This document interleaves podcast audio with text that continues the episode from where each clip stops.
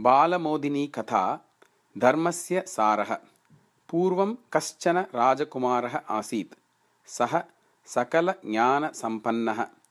राजोचिताः सर्वाः विद्याः अधीतवान् आसीत् सः।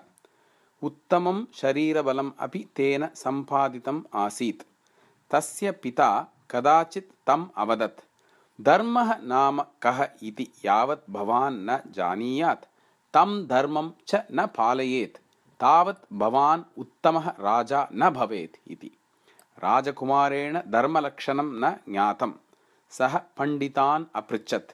एकैकः पण्डितः एकैकप्रकारेण धर्मलक्षणं विवृतवान्। एतस्मात् राजकुमारस्य भ्रमः प्रवृद्धः। अन्ते सः कञ्चित् सन्न्यासिनं दृष्ट्वा स्वस्य समस्यां निवेदितवान् सर्वं श्रुत्वा सन्न्यासी अपृच्छत्। भवतः प्रियतमा क्रीडा का इति। राजकुमारः अवदत् चतुरङ्गक्रीडा इति। तस्यां क्रीडायां किं भवान् प्राणान् पणीकर्तुम् अर्हेत्? इति अपृच्छत् सन्न्यासी। राजकुमारः सम्मतिम् असूचयत्।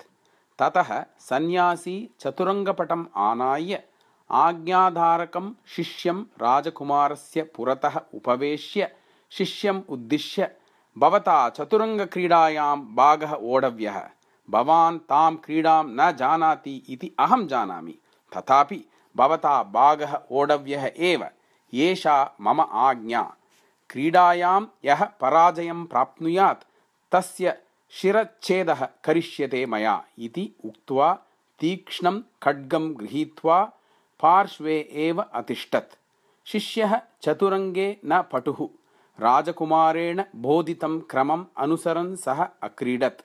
अचिरात् एव पराजयं प्राप्नोच्च। राजकुमारः तं पुनरपि क्रीडातन्त्राणि अबोधयत्। तथापि शिष्यस्य एव पराजयः। पुनः पुनः शिष्यः पराजयं प्राप्नोत्। शिरसः छेदनस्य भीत्या सः खिन्नः म्लान्मुखः च जातः। एतत् दृष्ट्वा दयार्दहृदयः राजकुमारः बुद्धया प्रमादान् कुर्वन् स्वयं पराजयं प्राप्नोत्। पराजये प्राप्ते शिरच्छेदः निश्चितः इति जानन् अपि सः पराजयं यत् प्राप्नोत् तत् सन्न्यासिना अवगतं तदा सन्न्यासी चतुरङ्गपटं क्षिप्त्वा राजकुमारम् अवदत् क्रीडा न मुख्या प्रतिस्पर्धनि गौरवं प्रधानं मृदुः व्यवहारः दया परार्थं प्राणत्यागाय सज्जता इत्यादयः एव धर्मस्य सारः।